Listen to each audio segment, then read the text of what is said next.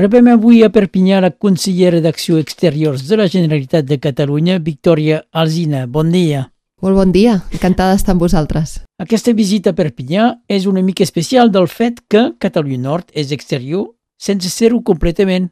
Bé, jo aquí em sento casa. La veritat és que venir a Perpinyà, venir a la Catalunya Nord, és estar, és estar a casa i de fet tenia moltes ganes de fer aquest primer viatge a casa a la Catalunya Nord com a consellera d'Exteriors i sobretot per veure i per poder escoltar de primera mà i tenir el testimoni de totes les persones que estan treballant de manera tan activa en la protecció de la llengua i la cultura catalana, perquè crec que de fet és un exemple pels altres casals catalans arreu del món que també treballen amb la mateixa direcció i aquesta feina que s'ha fet aquí des de fa tants anys de manera tan prolífica, tan participativa i tan, eh, jo diria, important no? per Catalunya i per tota la nostra comunitat catalana a l'exterior, doncs aprendre'n, poder escoltar de primera mà el que fan, el que volen fer, quins projectes tenen i veure com podem trobar aquestes sinergies. L'acció de Catalunya és complicada. No estem a la mateixa situació que el Quebec o les comunitats belgues, que tenen representació diplomàtica.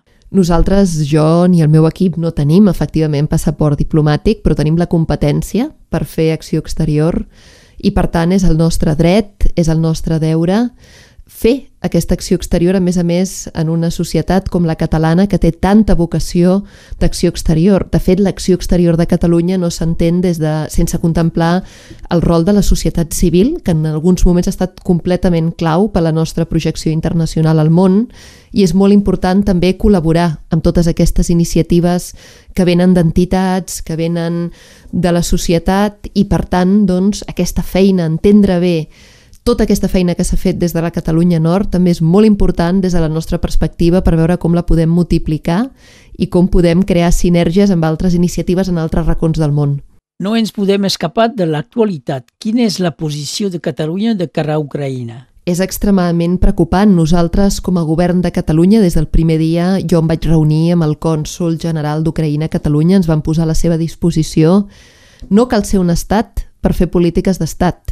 I aquí el govern, des del meu punt de vista, s'havia d'alinear amb la Unió Europea i havia de fer doncs, eh, tot el que pogués en totes les dimensions per ajudar primerament doncs, els catalans que estaven a Ucraïna, per ajudar a Ucraïna en si mateixa, a la seva independència, el dret que tenen de ser el que vulguin i de fer-ho lliurement i a través de mitjans democràtics i també doncs, a donar suport a la comunitat ucraïnesa de Catalunya que és una comunitat estimada, aproximadament 25.000 persones, que són una part important doncs, també de la nostra comunitat.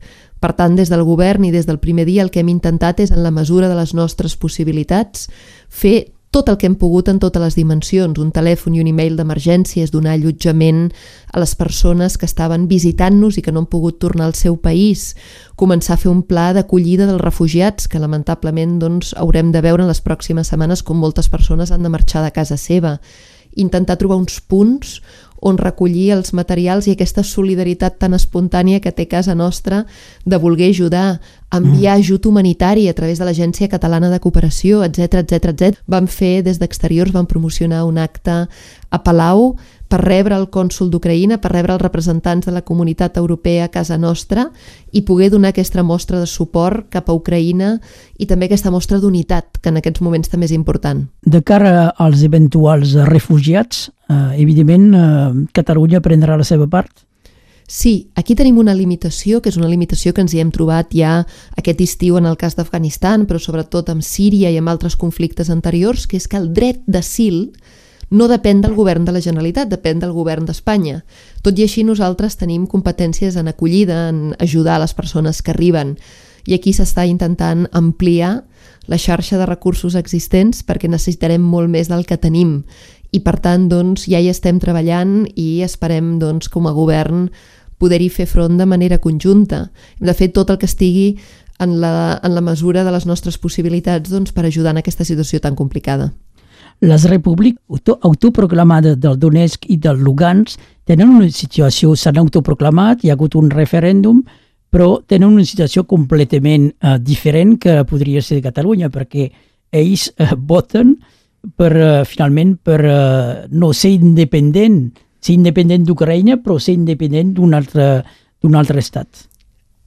Jo particularment, i crec que això s'ha anat dient en alguns espais de reflexió, no? perquè ara la veritat és que les coses passen tan ràpid que també haurem de veure amb una mica de perspectiva no? per fer aquest anàlisi del que ha passat, però una cosa que sembla clara és que quan Putin va fer aquesta maniobra, això era una perversió del principi del dret a l'autodeterminació perquè era un imperialisme encobert no? d'aquest eh, govern de Vladimir Putin. Tot i així, el que està clar és que tant Ucraïna com aquestes dues províncies han de poder decidir el que volen ser lliure d'ingerències i, per tant, la democràcia sempre està davant de tot i està per sobre la violència. Josep Borrell, comissari europeu, ha fet declaracions poques afortunades i pocs elegants de cara a Catalunya i al president Puigdemont. Com ho valoreu? Va fer unes declaracions completament irresponsables i poc diplomàtiques fruit de la seva obsessió particular amb l'independentisme que li posa a crear, li posa a crear, a difondre o a dir, a compartir paral·lelismes que són del tot inadequats doncs, en una situació com l'actual. Per tant, aquí qui té un problema és el senyor Borrell, per no estar a l'altura diplomàtica del càrrec que ocupa i de rebot, per desgràcia, la Unió Europea per tenir-lo amb ell com a màxim dirigent en aquest àmbit. Honorable conseller d'Acció Exteriors de la Generalitat de Catalunya, Victoria Alzina, moltes gràcies. Encantada d'estar aquí i us tornaré a visitar molt aviat. Fins aviat, doncs. Adeu.